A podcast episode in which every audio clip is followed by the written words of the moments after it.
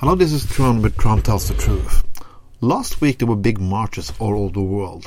Women from all kinds of society marched against Trump and his ban on everything is good for women. It was fantastic to see people come together like that and protest against the fascist president who now sits in the White House. But I have still a little question about this. Is why didn't a lot of you did that did this October? Yes. Why didn't you do it in October before he was elected? I know a lot of people are going to hate me for what I'm saying now, but this is a typical liberal bullshit they always do. They're always a little bit too late.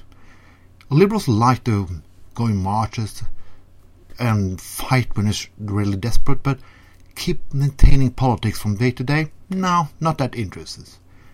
War going voting in midterms election? No, not that doing things on local level, not always that interesting either. I had my last segment on this show was shit can happen and shit is happening now all over the place. That's typical liberal. While conservatives stand for their principles, liberals get frightened, hide themselves, and don't want to do anything. You know what? You are the majority but still the minority is winning and voting and taking power.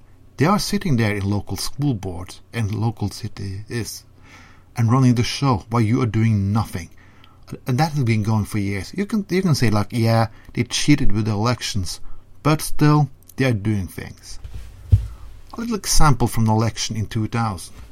Al Gore was the perfect candidate. He had eight years with success, American was in surplus, the economy was great, he still lost.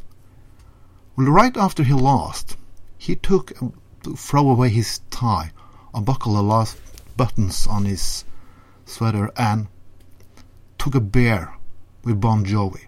Everyone asked themselves, why didn't you do that before the election?